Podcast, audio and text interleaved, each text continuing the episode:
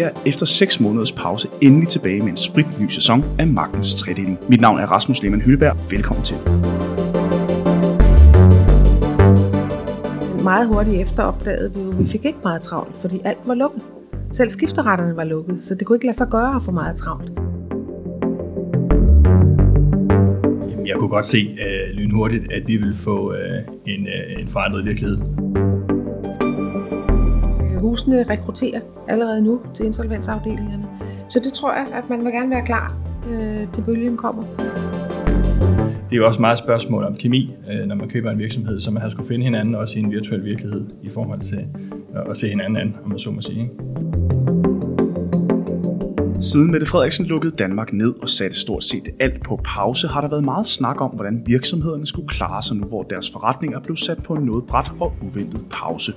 Der er blevet givet historiske hjælpepakker på flere milliarder for at forhindre, at bunden vil blive slået ud af de danske virksomheder og økonomien. Og indtil nu ser det ud til at have virket. I hvert fald har der ikke været den bunke af konkurser, som man kunne have frygtet.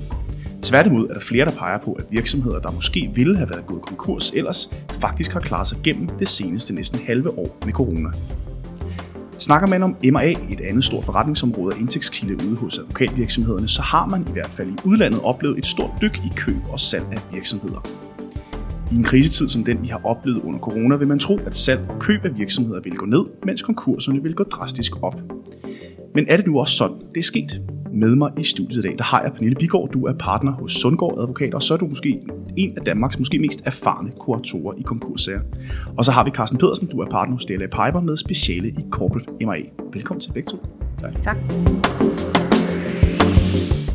Øhm, for lige at bryde isen, så kunne jeg godt øh, tænke mig at sådan på en lidt mere personlig note høre, hvordan har I oplevet de her sidste seks måneder, som jo har været ufattelig specielle for rigtig mange af os. Pernille, vil du starte?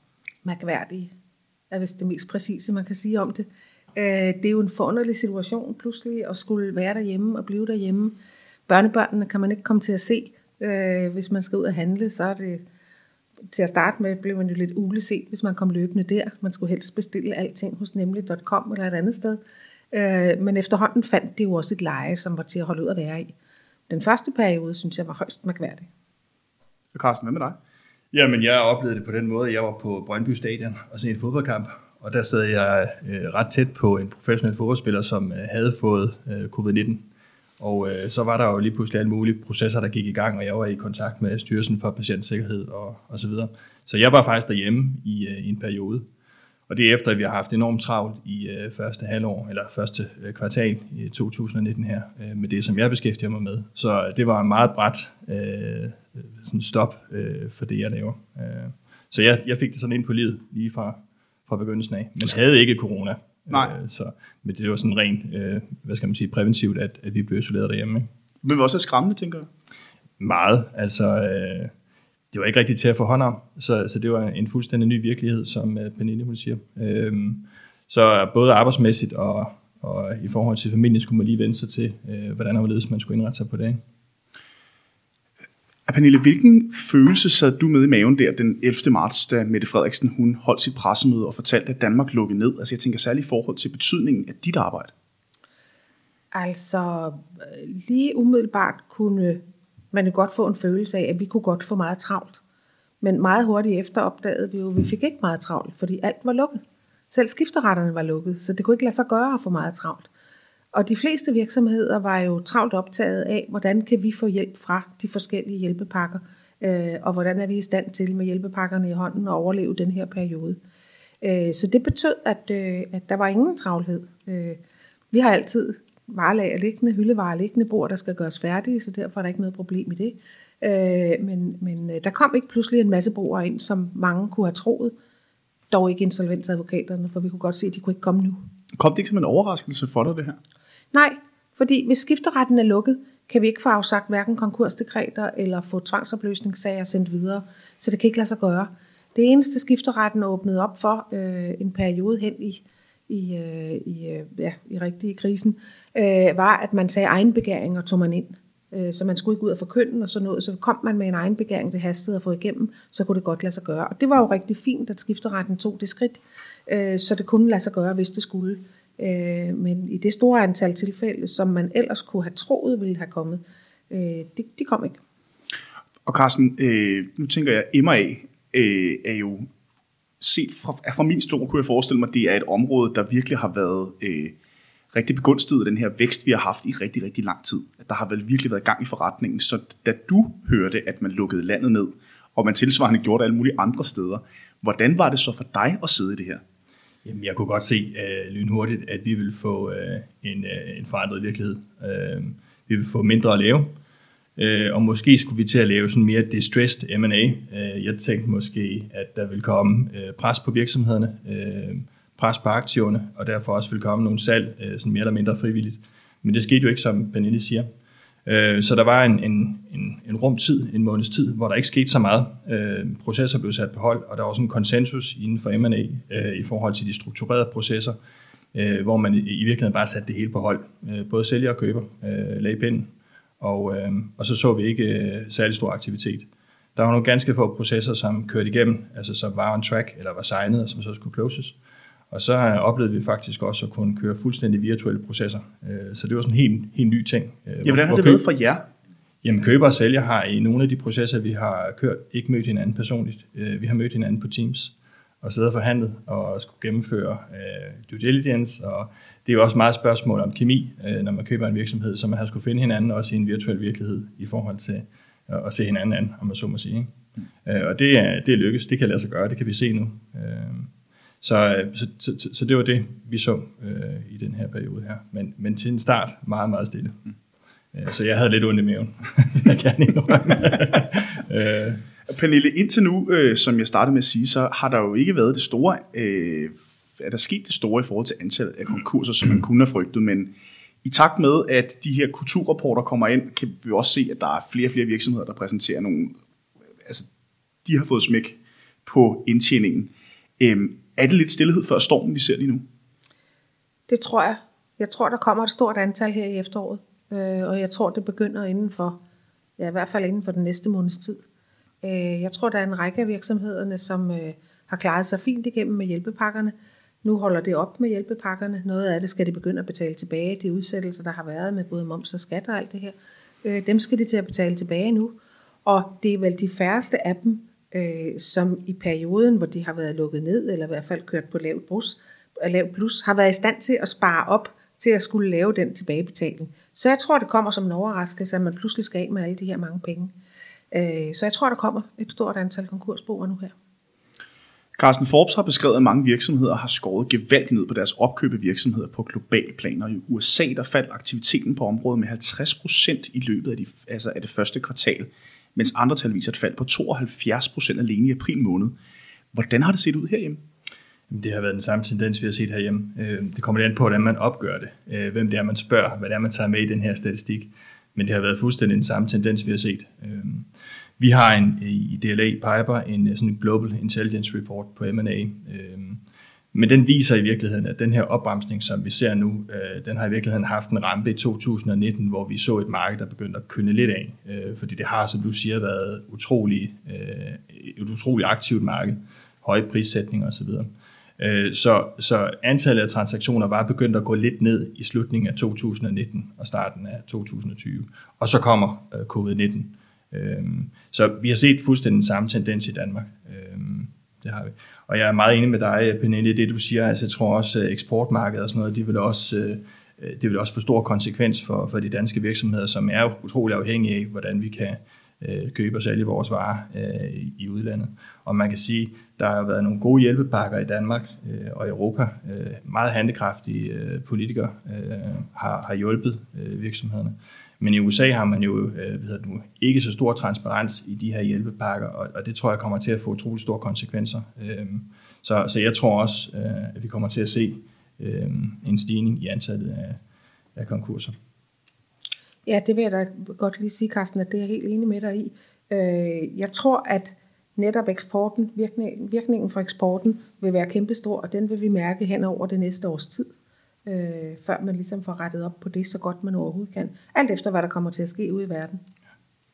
Ja, fordi Carsten, du sætter fingeren ned i noget, som jo faktisk var lidt på, hvad skal man sige, i jungletrummerne rundt omkring. Altså netop, at inden covid-19 ramte, der var der allerede begyndt at være lidt tendenser til, at mange eksperter faktisk øh, så lidt ind i en recession. Altså, det kunne ligesom ikke rigtig blive ved. Det kunne ikke blive ved med det her med at vækste, og øh, altså, aktierne blev bare ved med at stige hele tiden. Så der var ligesom lidt en forventning om, at det ville bremse lidt op allerede der. Ja. Et spørgsmål til jer begge to. Altså, hvordan så markedet egentlig ud før, før corona? Fordi lige nu taler vi jo kun om, hvordan det har været efter corona ramte og under corona. Men altså, hvordan var markedet egentlig før den 11. marts, som jo ligesom er vores skæringspunkt? Altså, der var jo ikke, der var jo ikke krise.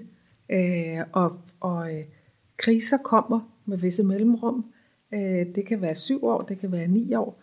Øh, men de kommer med et vist interval. Så sker der et eller andet, som, øh, som gør, at det hele ramler sammen, og der kommer flere konkurser, der kommer flere Øh, altså mange af de der tvangsopløsninger kommer, og, og også nogle ret store konkurser. Og det kommer med de der intervaller, som ingen, tror jeg, egentlig rigtig kan styre, andet end, hvis man kan være så fræk at kalde det, begejstringen i samfundet over, at det går fremad. Øh, og lige pludselig er det gået så meget fremad, så det ikke kan gå fremad mere, og så stopper det. Og det er lige den virkning, man mærkede allerede øh, for et, et, ja, nu efterhånden et års tid siden. Men, men, men det jeg oplevede lidt, det er, men jeg, jeg er meget enig, øh, det skulle komme på et tidspunkt. Ja. øh, men, men det vi bare så, det var, at efter jul øh, og efter nytår, hvor man så skal til at i gang igen, så er der sådan lidt usikkerhed, men så går der ganske kort tid, så har vi faktisk et højt niveau igen af transaktioner. Og det er jo fordi, der er en pengerigtighed. Altså, der er ikke noget andet sted at placere øh, pengene. Øh, og folk er måske efterhånden blevet en lille smule bange for aktiemarkedet. Øh, det var de i hvert fald før. Øh, der var meget tale om det der med, at vi havde nået toppen osv. Så, så, så man har kigget meget ind i alternative investeringer, altså fonde øh, osv. Og, og det har jo drevet altså priserne op på, på aktiver. Øh, men en pengerigtighed, som har gjort, at vi faktisk havde øh, et relativt fint øh, kvartal i, øh, i Q1 vi havde i hvert fald utrolig travlt, så, øhm, så det var jo fra, fra asken til elen, han har sagt, øhm, da corona ramte os. Ikke? Mm. Ja, for hvordan, hvordan forbereder man sig som virksomhed? Fordi altså, jeg tror, det for mange virksomheder har jo øh, altså, kommet jo som et chok, det her corona, men som advokathus og advokatfirma, så er I jo også virksomheder. Hvordan har I, hvad skal man sige, skulle omstille jer så hurtigt til en ny virkelighed? Sådan, altså i praksis, udover at man selvfølgelig sender folk hjem, og man har en masse kundemøder over Teams. Altså, det er svært at svare på. Øh, særligt fordi jeg 1. januar forlod et af de meget store huse, øh, hvor man i hvert fald jo har skulle se ind i en anden form for omstilling til det her, end det lille hus, jeg kom ned til, som på det tidspunkt var vi syv. Øh, og det er jo ligesom til at overse syv mennesker, man skal rykke rundt på. Øh, det, er jo, det er let. Øh, det er let at sende dem alle sammen hjem og få deres skærme med hjem, og så kan man fortsætte uden øh, nogen som helst problemer.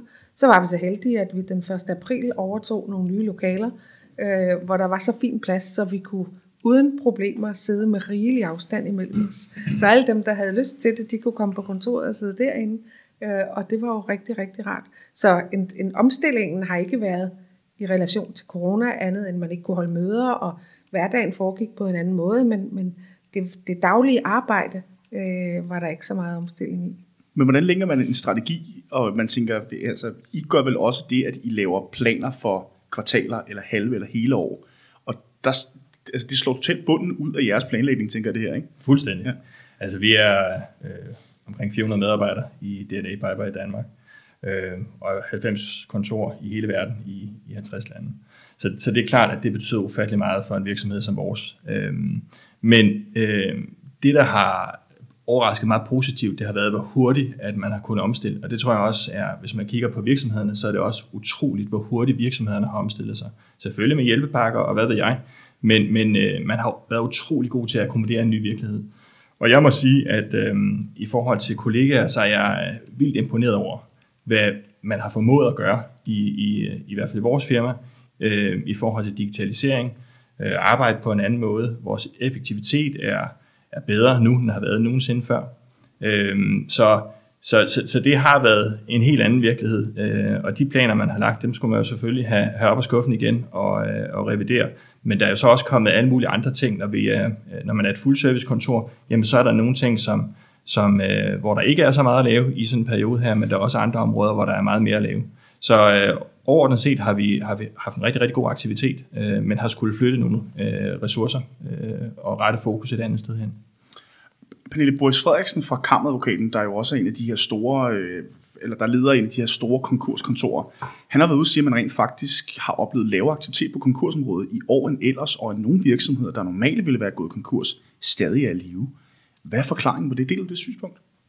Øh, det tror jeg faktisk er rigtigt nok. En af forklaringerne er, at, øh, at skifteretterne lå stille.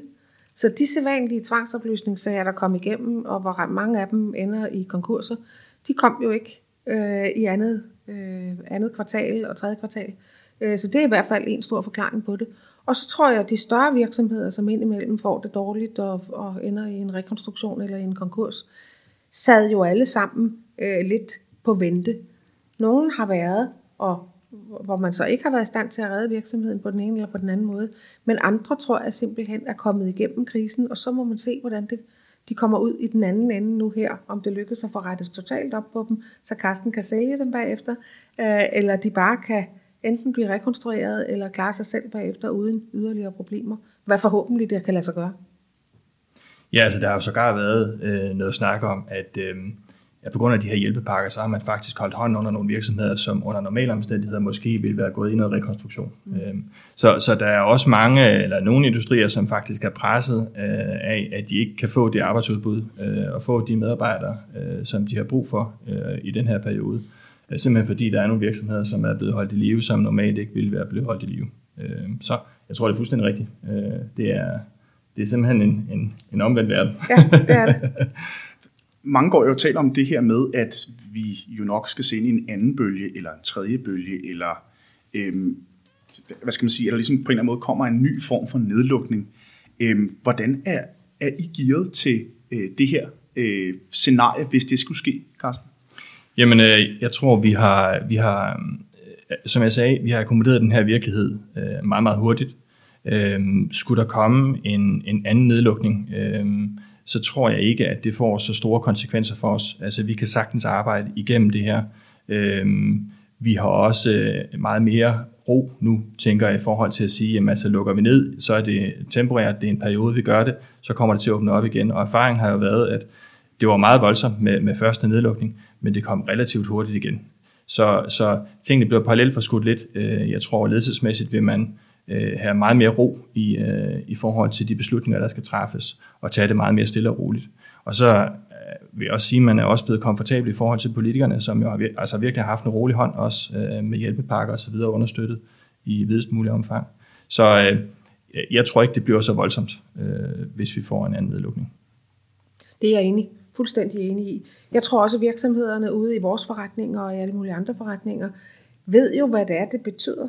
Så den første forvirring og usikkerhed, den kommer ikke til at være der på samme måde, som den var ved første nedlukning. Og det tror jeg afgjort er en stor fordel. Pernille, du har tidligere sagt, at du forventede, at første bølge af konkurser ville ramme efter sommerferien. Hvad er årsagen til, at det vil gå galt her efter sommeren? Altså, hvordan ser du på det nu, hvor vi faktisk er her? Jamen, øh, jeg tror stadigvæk, de kommer inden for den nærmeste fremtid. Øh, og jeg tror, det har med at gøre, at, øh, at hjælpepakkerne er hørt op øh, for størstedelen af dem vedkommende. Og jeg tror også, at øh, det, at der skal tilbagebetales udskudtskat og moms og alle de her ting, øh, det får også en betydning. Øh, så ved vi jo også, at nogle af virksomhederne har benyttet lejligheden øh, under nedlukningen, eller i hvert fald under coronakrisen, øh, til at kigge på virksomheden og se på, ser den egentlig ud, som den skal, øh, eller skal der skæres til nogle steder. Øh, og de, jeg har rådgivet øh, øh, om hjælpepakkerne, og om hvordan man skulle klare sig igennem, har været meget, meget, hvad skal man sige, samfundssamvittighedsfulde, øh, og virkelig kigget på, hvad er det, der skal til, for at jeg kan være sikker på, at min virksomhed kan holde bagefter også. Og det er glædeligt at se, hvordan det er gået dem, øh, at det faktisk holder de budgetter, der blev lavet allerede i marts-april måned. Carsten, vi begynder også at se allerede lidt, hvad skal man sige, optimistiske tegn på aktiemarkederne rundt omkring. Øh, så hvordan ser du M&A-området øh, her i de to kvartaler, vi går ind i nu? Øh, lige nu er der relativt stor optimisme. Øh, vi er ikke dem, der oplever det først som M&A-advokater, fordi vi bliver koblet på lidt senere i de her processer. Men det er klart, at vi er ude hele tiden og, og tale med de aktører, der er i markedet, altså corporate finance-husene primært. Og de har meget travlt med at pitche nu, altså at sikre deres mandater for den kommende periode. Så, så jeg tror, at øh, der, der er opti- virkelig stor optimisme i markedet. Der er relativt øh, mange processer også nu, der kører. Øh, og øh, så er det klart, at der er nogle industrier, der er sket en sektorrotation, så der er nogle industrier, som er meget mere populære nu, end de har været tidligere. Omvendt er der måske også nogle sektorer og industrier, som er øh, stadigvæk er ramt, øh, der hvor der er menneskelig kontakt til leisureområdet øh, i det hele taget. Øh, Øh, så, så det halter lidt efter. Øh, men, øh, men, men relativt stor optimisme, og som du siger, altså det er all-time high på, på aktiemarkedet. Øh, og frem mod det amerikanske præsidentvalg, der tror jeg bare, at vi kommer til at se øh, travlhed, så må vi se, hvordan det ser ud på den anden side af det. ja, for, altså, hvad er det for industrier eller virksomhedstyper? Kan man sige noget om, hvad det er for sektorer, der særligt bliver ramt her, når øh, man kan sige, hjælpepakkerne de udløber, man skal til at betale alle de her moms og skat tilbage? Altså man kan i hvert fald sige, at de af dem, der er ramt også på eksporten, øh, de har det hårdt, for de kan ikke selv gøre noget som helst for at få det der i gang. Hvis de har salg, indenlandsk salg, eller hvad man skal kalde det, øh, så er det straks nemmere at finde ud af, hvordan man skal håndtere det. Øh, så, så eksportvirksomhederne, de har det rigtig, rigtig slemt, og dem tror jeg, vi kommer til at se noget til. Hvilke udfordringer ser I, at virksomhederne kommer til at stå over for her i den sidste halvdel af 2020? Jeg tror, at øh, øh, jeg tror, der stadigvæk er øh, store udfordringer i forhold til tilpasninger. Altså det, det er vel også det, der er gennemgående i vores, øh, i vores dialog her. At øh, vi ved ikke rigtigt, hvad det er for et marked, vi kommer til at kigge ind i. Vi ved ikke rigtigt, hvad aktivitetsniveauet det er. Øh, men det er klart, at når de her hjælpepakker de hører op, så er der nogle tilpasninger, som skal implementeres på den ene eller på den anden måde. Det kan også være, at det er forretningsområder, som man sælger fra. Altså man er nødt til at kigge på strategien øh, og se på, om man er rentabel, og også er rentabel i det miljø, der er nu, og vi kan forvente, at vi kigger ind i, i, øh, i resten af 2020. Så stor usikkerhed øh, gør jo selvfølgelig, at man er nødt til at, at kigge på, på alle de her ting i, i virksomhederne. Og så øh, kan det jo også godt være, at øh, man kommer til at, at arbejde mere i forhold til at sikre likviditeten. Det har man gjort rigtig meget i forhold til i forvejen. Øh, børsnoterede selskaber kommer formentlig til at hente penge øh, i markedet, øh, men også øh, øh alle øvrige virksomheder, private virksomheder, kommer jo til at skulle sikre deres kreditter i forhold til banker og sådan noget. Så det tror jeg, man kommer til at, at arbejde på i, i resten af 2020. Vi har set en lang periode, hvor man har rekrutteret og ansat rigtig meget til de her MA-afdelinger hos de store advokathus. Er det din forventning, Pernille, at vi fremad kommer til at se øget rekruttering i insolvensafdelingerne? Ja, det tror jeg. Øh, og jeg synes, vi har kunnet læse i AdvoWatch og nogle af de andre medier, at, øh, at øh, husene rekrutterer allerede nu til insolvensafdelingerne. Så det tror jeg, at man vil gerne være klar øh, til bølgen kommer og sidde med det nødvendige antal medarbejdere. Øh, så det tror jeg. Carsten Forbes har beskrevet, hvordan corona ikke kun har indflydelse på selve aktiviteten omkring køb og salg af virksomheder, men også på selve de aftaler og kontrakter, der bliver skrevet. Er der kommet nye krav til eksempelvis due diligence og lignende? Øh, hvordan har I oplevet det herhjemme? Ja, altså nu, nu er vi jo først rigtig kommet op to speed igen. Øh, så det er klart, at øh, mange af de processer, øh, som vi vil skulle signe og close på et senere tidspunkt, øh, der mangler vi stadigvæk at høste erfaring fra, øh, hvor de lander. Men det er klart, at, at man begynder jo allerede i, på den måde, vi arbejder på at lave nogle term sheets, altså en køreplan for, hvordan køber og sælger, de ser en, en proces. Og det vi kan se, det er, at sådan noget som udskudte betalingselementer, øh, det er, øh, altså, ser vi i, i stigende grad. Øhm, i det marked, der gik op, øh, som var øh, primært sælgersmarked, øh, der var der meget større øh, antal af processer, som, hvor man fik en fuld betaling på, på closing. Men for at kunne bridge øh, 2020 og det, der kommer til at ske i 2021 og 2022, øh, øh, så har man de her udskudte betalingselementer, altså earnout-elementer. Og det tror jeg, vi kommer til at se i, øh, i videre omfang. Vi har set det på en del processer nu allerede. Og så er det klart, at den der øh, øh, Øh, risikoaværshed, øh, den, den er allesteds nærværende. Og det vil sige, at man bruger øh, meget mere tid på, på due diligence. Øh, mange af de processer, vi, vi ser, de er også forsikret af det, vi kalder garantiforsikring og W&I. Og øh, for at man kan øh, i virkeligheden få nogle virksomme øh, poliser på det her, så skal du øh, lave en ordentlig due diligence. Og forsikringsselskaberne stiller også større krav til nu, hvordan du laver due diligence, også på den finansielle robusthed i, i virksomheden. Så, så det kommer til at tage længere tid. Øh, det er nogle længere processer. Det er formentlig også nogle processer, hvor vi har længere eksklusivitet. Øh, så, så, så det er det, vi ser øh, generelt i, i de processer, vi, vi kigger ind i. Bill, du sagde tidligere, at øh, nu har skifteretten jo været lukket, og derfor begynder aktiviteten først for alvor at komme nu. Øh, kunne man frygte, at øh, det skaber lidt en flaskehals, det her, i forhold til konkurssager, øh, hvis man ikke har fået behandlet de sager, der skulle behandles via skifteretten?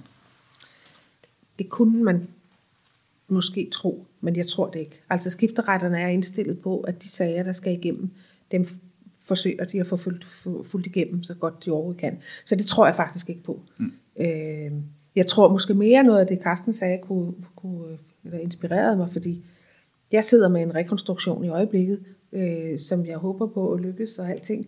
Men, men nogle af de eksempler, Karsten nævnte, kan jo meget vel være virksomheder, som måske har behov for at komme igennem en rekonstruktion og få skåret den del af virksomheden, som man ikke kan få hurtigt nok op til speed, og som likviditetsmæssigt ligger og dræner den gode del af virksomheden. Få skilt de to ting ad, øh, og få solgt den gode del fra, og få den anden gemt væk øh, til gode tider, eller få dem op at stå igen på et andet tidspunkt. Men det kunne godt være et, et område, hvor vi kunne hjælpe hinanden. Ja. Altså jeg tror, at det man så efter finanskrisen, det var jo faktisk på advokatkontorene, at der var MR-advokater, som begyndte at lave konkurs. Øh, vi skulle til at lære din métier, øh, Pernille. Øhm, og jeg ved ikke, om vi kommer til at se det samme.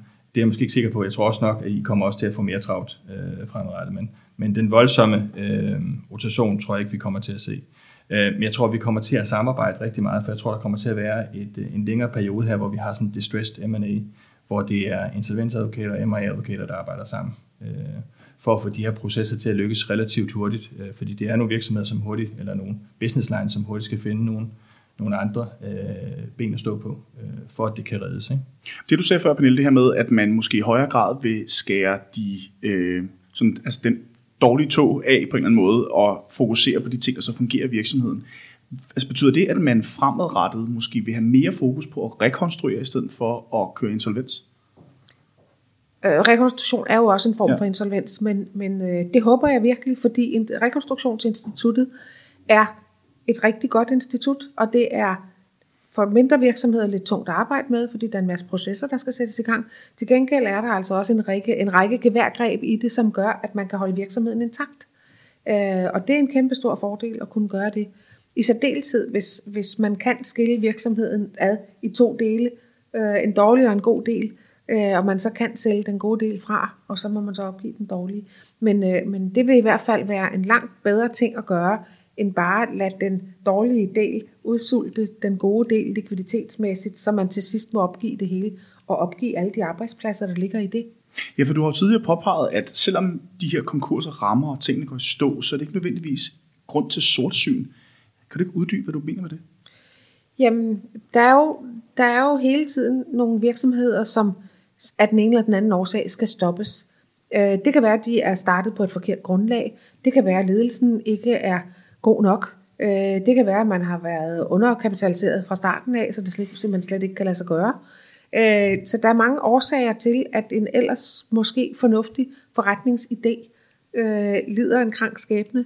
Og øh, hvis man kan få den op at stå igen på en bedre måde, hvad enten det er en stor eller en lille virksomhed, så mener jeg sådan set, det er rigtig godt. Og så er det ikke sort syn, at den har været nede i skifteretten og hilse på dem dernede. Øh, men kan den komme helt skinnet ud af det, så synes jeg sådan set, at vi kan godt tage de sorte briller af og tage de lyse briller på igen. Fordi så ender vi et fornuftigt sted, og vi ender med at få bevaret nogle arbejdspladser øh, til os alle sammen. Og Carsten, den her pointe omkring rekonstruktion, hvordan, øh, nu sagde Pernille, at det du sagde før, sådan inspirerede hende lidt. Altså kan du se nogle spillover-effekter i forhold til det med rekonstruktion på dit område?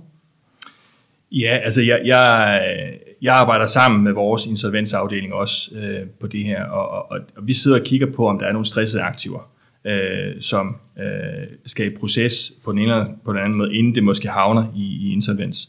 Øh, så så øh, altså jeg, jeg kan sagtens se det her, og jeg kan også se, at det er sket allerede. Altså vi har set virksomheder, som er begyndt at sælge fra, altså ændre deres strategi, skære til. Øh, der har været en forandret virkelighed, og det betyder selvfølgelig noget for, for, for den toplinje, der har været i virksomheden. Og, og, og det er man begyndt at reagere på allerede. Så, så det er ret tid omhu også for virksomhederne, synes jeg, vi ser nu, i forhold til virkelig at få kigget kritisk på, uh, på rentabiliteten i, uh, i de forskellige business lines, der er. Og her, jeg tror, vi kommer til at se over en periode her. Mm. Og her til sidst til jer begge to. Øhm, 100.000 kroner spørgsmålet. Hvad er jeres forventninger til resten af 2020? Jeg tror, vi kommer til at få mange af de der tvangsopløsningssager nede fra skifteretten, som vi kommer til at sidde med. Og, øh, og det er virksomheder, som af den ene eller den anden årsag har haft en ledelse, der i hvert fald ikke var i stand til at til at opfylde lovens krav. Øh, så de skal, dem skal der ryddes op i. Så tror jeg, der kommer en række andre sager, altså større virksomheder, som, øh, som ikke er i stand til at få deres drift tilbage på sporet, uden en hjælpende hånd, enten i form af en rekonstruktion, eller man nødvendigvis må få dem helt ned i en konkurs, hvor man så forhåbentlig kan sælge noget af det fra. Øh, men jeg tror, det kommer. Jamen altså, vores erfaring er den samme. Altså, vi har jo lige øh, haft en proces med First Hotels, noget cross-border øh, her i Danmark også. Vi har haft jet time, øh, og det er, det er øh, de ting, vi kommer til at se i resten af 2020. Så tror jeg, at grunden til, at, at, at man måske nok får mere travlt med, med det, du sidder med, Pernille, det er jo, jamen, der er jo ikke sket noget i en længere periode, så der er også en anden ketchup-effekt i det her, der skal ryddes op. Øh, men for mit eget område, M&A, jeg tror, vi får travlt, øh, og, og folk er positive, og så, så jeg tror egentlig, det er sådan lidt en, en, en uvandt størrelse, det her. Øh, det er flere forskellige forretningsområder, som bare er komplementære, der, der måske på samme tid har relativt travlt og meget at se til. Interessant. Tusind tak, fordi I havde lyst til at komme her og tage snakken med mig i øh, den her første udgave af Magtens Tredeling efter coronapause. Magtens Trælinje kan findes på iTunes, eller hvor du ellers finder dine podcasts, og så kan du altid læse mere på k-news.dk. K-News og Magtens Trælinje er produceret af Karner Group.